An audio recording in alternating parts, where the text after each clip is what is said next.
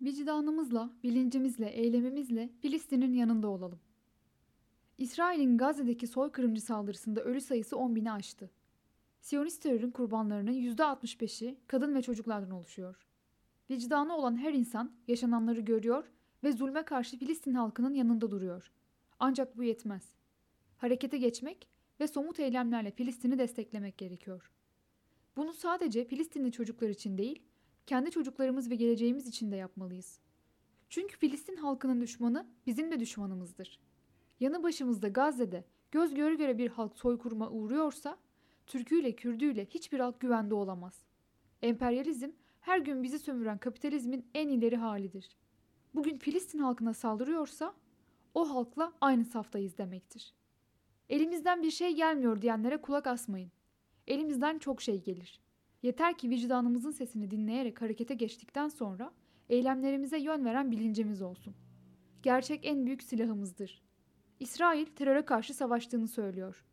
Batı emperyalizmi aynı nakaratı tekrarlayıp duruyor. Yalan söylüyorlar. İftira atıyorlar. Gerçek ise başkadır. Filistin halkının işgale karşı direnişi meşrudur ve haklıdır. Gazze'de terörist olan İsrail'dir. Teröristin en büyüğü İsrail'in arkasındaki esas güç olan ABD ve NATO'dur. NATO'nun bir güvenlik şemsiyesi olduğu yalandır.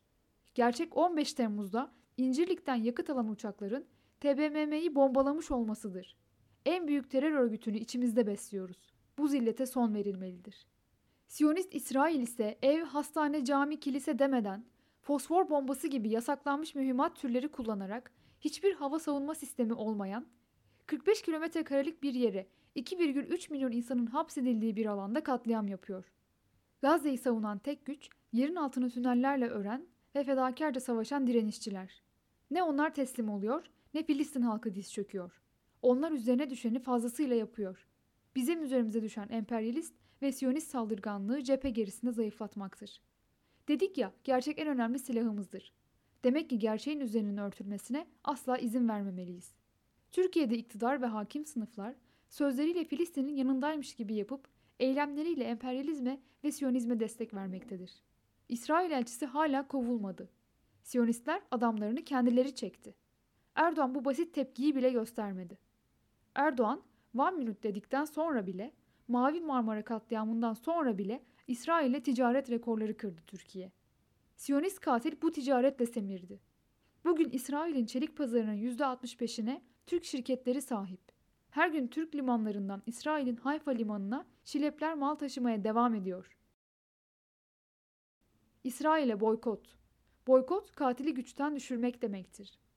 Emekçi halkımız İsrail'e destek olan markaları boykot etmeli. Ama esas iktidarı İsrail ile yapılan ticareti durdurması için zorlamalı, diplomatik ilişkilerin tamamen kesmesini sağlamak için bastırmalı. Zira Türkiye'yi yönetenler sadece ekonomik olarak değil, askeri olarak da Siyonizme hizmet ediyor. Malatya'da konuştuğu NATO'ya bağlı Kürecik radar üssü, İsrail'in bölge çapındaki en büyük istihbarat kaynağıdır. Gazze'ye ölüm yağdıran pilotlar, geçmişte Konya'daki hava üssünde eğitim gördüler. ABD iki uçak gemisinin yanı sıra İncirlik'teki askeri üsse indirdiği bombardıman uçaklarıyla bölge çapında terör estiriyor. Tüm bunlara İngiliz emperyalizminin Avrotur ve Dikerle üsleriyle Kıbrıs'ı batmaz bir uçak gemisi olarak kullanmasını da eklemeliyiz.